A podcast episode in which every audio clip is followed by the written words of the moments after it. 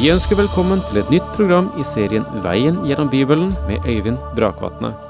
Denne studieserien er produsert av P7 Kristen Riksradio og bygger på serien Through the Bible av Vernon McGee. I dag fortsetter vi med gjennomgangen av Matteus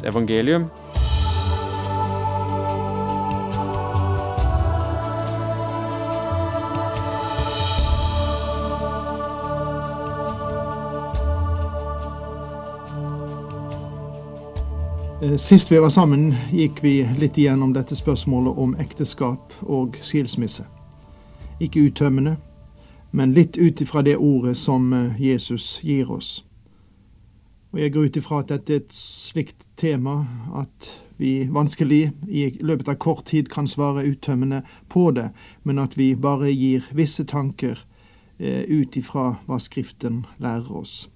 Og så må vi enten vrake det, eller bøye oss inn under det som Skriften her taler om. Men når denne sekvensen med ekteskap og skilsmisse er ferdig, så går Jesus rett over til barna. Eh, Kanskje noen synes det er et sammentreff. Jeg synes at det er egentlig en riktig og vesentlig sammenstilling. Og eh, la oss gå tilbake igjen og lese disse vidunderlige versene fra Matteus 19, vers 13 til 15, og så fortsetter vi gjennom eh, dette kapittelet videre. De brakte små barn til ham for at han skulle legge hendene på dem og be, men disiplene ville vise dem bort. Da sa Jesus, la de små barna være og hindre dem ikke fra å komme til meg, for himmelriket hører slike til.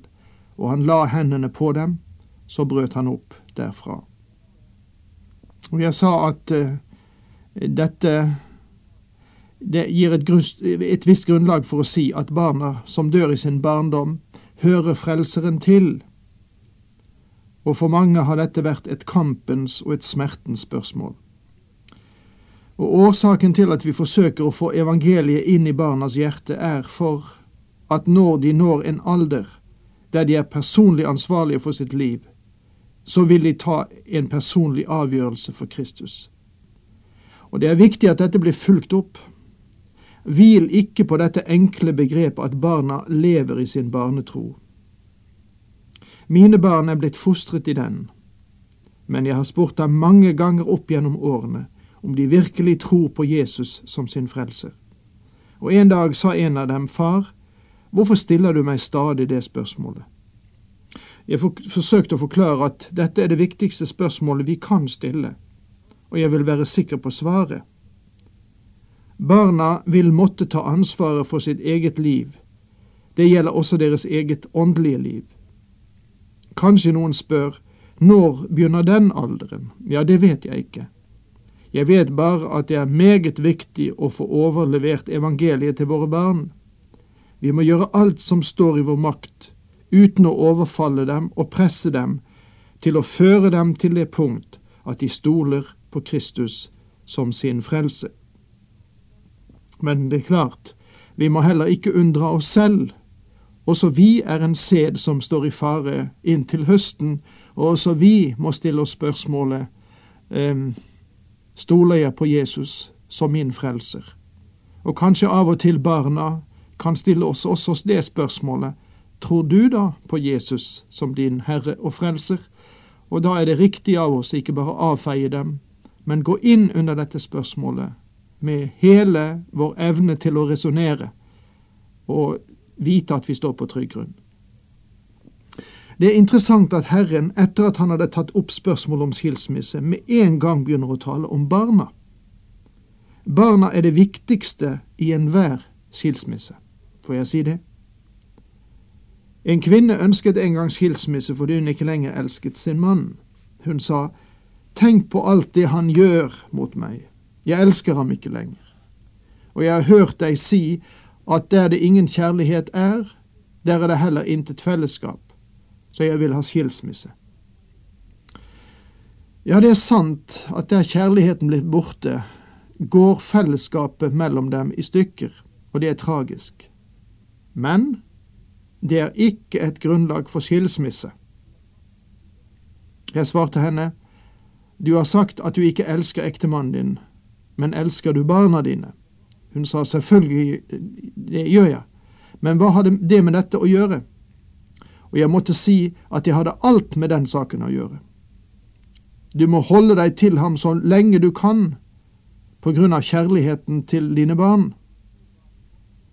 Det faktum at Herren sa la de små barn komme til meg, bør få ethvert ektepar, spesielt kristne ektepar, til å gjøre alt som står i deres makt for å holde ekteskapet sammen.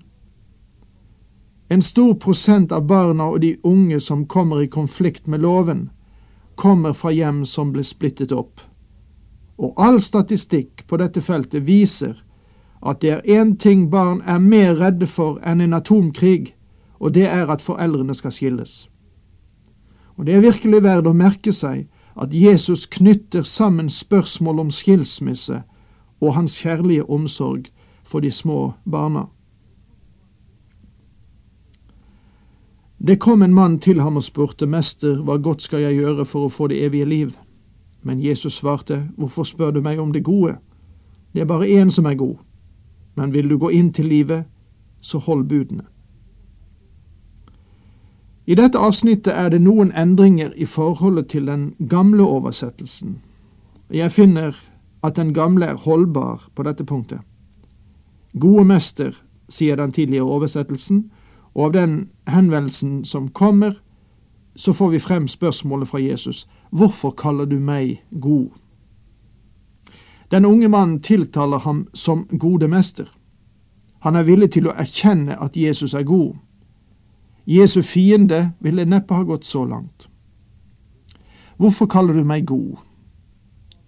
Jeg er sikker på at du ser hva Herren var etter da han sa det er bare én som er god, for da sa han faktisk hvis du ser at jeg er god, så er det fordi at jeg er Gud, og Gud er god.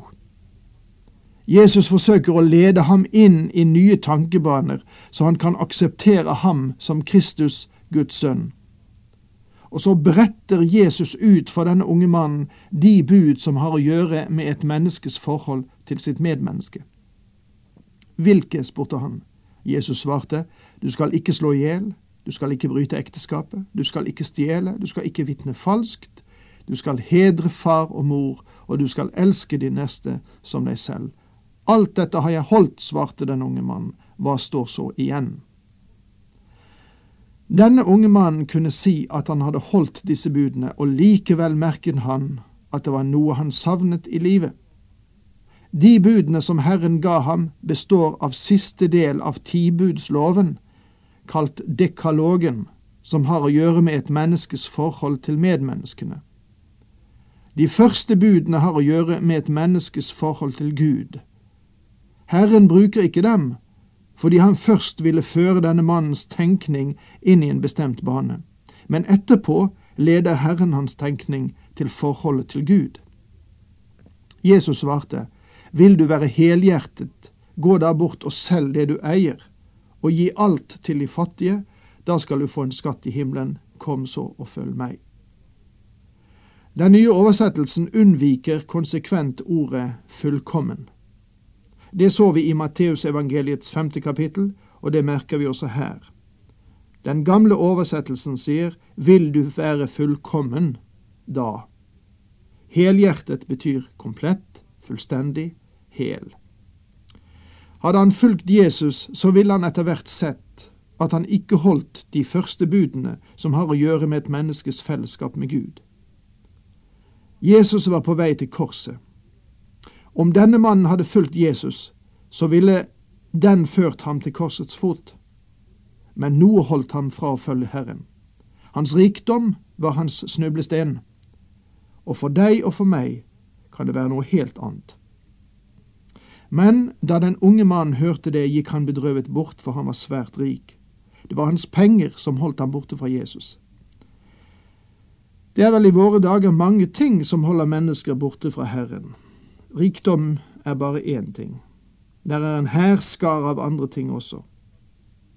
I våre dager merker vi det, som et gammelt ord sier, at det gode er det bestes fiende. Midt i vår velferd drukner spørsmålet om Gud, og våre ører blir trege til å høre ordet fra himmelen. Er det noe i dag som skiller deg fra Kristus? Er det noe på veien som holder deg borte fra ham, eller hindre din fulle overgivelse? Ja, det er virkelig verd å tenke over for oss også, og jeg for min del har nå vandret den kristne livsveien i 35 år, og til stadighet må vende tilbake til det samme. Er det noe som jeg ikke har overgitt? Er det noe som blokkerer, som gjør min tjeneste mindre verd enn den ellers kunne være, og gjør meg mer sliten i Guds rikes arbeid enn nødvendig er, fordi at jeg sliter mer med meg selv enn jeg gjør med de oppdrag som Gud har gitt meg. Ja, la dette gå inn også i vår vurdering. Vel, det var rikdommen som holdt den unge mannen borte fra Herren. Jesus sa til disiplene, sannelig jeg sier dere, det er vanskelig for en rik å komme inn i himmelriket. Det er fremdeles sant. Ikke mange rike, ikke mange store, ikke mange mektige på jorden er store nok til å bli små og bøye seg for Kristus. Ja, jeg sier dere, det er lettere for en kamel å gå gjennom et nåløye enn for en rik å komme inn i Guds rike. Mange mennesker taper av syne den humor som Herren av og til brukte og det er tragisk, det. Det er mye humor i Skriften. Og Jesus har en måte å stille tingene på som vel brakte et smil mange ganger, og likevel fanget de inn alvoret. Og jeg synes at dette verset vi har for oss her, er et eksempel på Jesu humor. Det er noen mennesker som holder på den tolkningen av dette verset at det var en port i Jerusalem som kaltes Nåløyet at en kamel måtte knele for å komme gjennom den, og at Herren derfor sa at et menneske må bli ydmykt for å komme inn i himlenes rike. Ja, jeg tror faktisk at den forklaringen ligger litt på siden av Jesu mening. Herren taler her om eh, en virkelig kamel og en virkelig nål med et øye. La meg stille deg et meget enkelt spørsmål. Er det mulig for en virkelig kamel å gå gjennom et øye på en nål? Jeg går ut fra at du vet svaret. Det går ikke. Det er umulig. Men vil det være mulig for Gud å få en kamel gjennom et nåløye? Vel, nå er det nå ikke det Gud vanligvis driver med, men det Jesus vil fortelle, er det absolutt umulige for et menneske av egenmakt, selv ydmykhet, å komme inn i Guds rike. Bare Gud kan gjenføde et menneske. Og det er det poenget Herren gjør tindrende klart her. Det er lettere for en kamel å gå gjennom et nåløye enn for en rik mann å gå inn i Guds rike.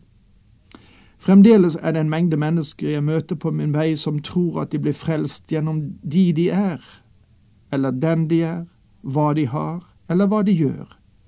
Den sanne frelse fører bare dem inn som innser at de er syndere. De er tiggere i Guds øyne, uten å tilby ham for sin frelse. Så lenge som et menneske føler at det kan gjøre noe, eller betale Gud for sin frelse, så vil det være like vanskelig for dem å bli frelst som å kjøre en kamel gjennom et nåløye. Og da kan vi jo tenke med oss selv. Og dessverre, tiden vår er allerede ute, og vi får sette strek her. Må Herren være med deg og styrke deg og hjelpe deg.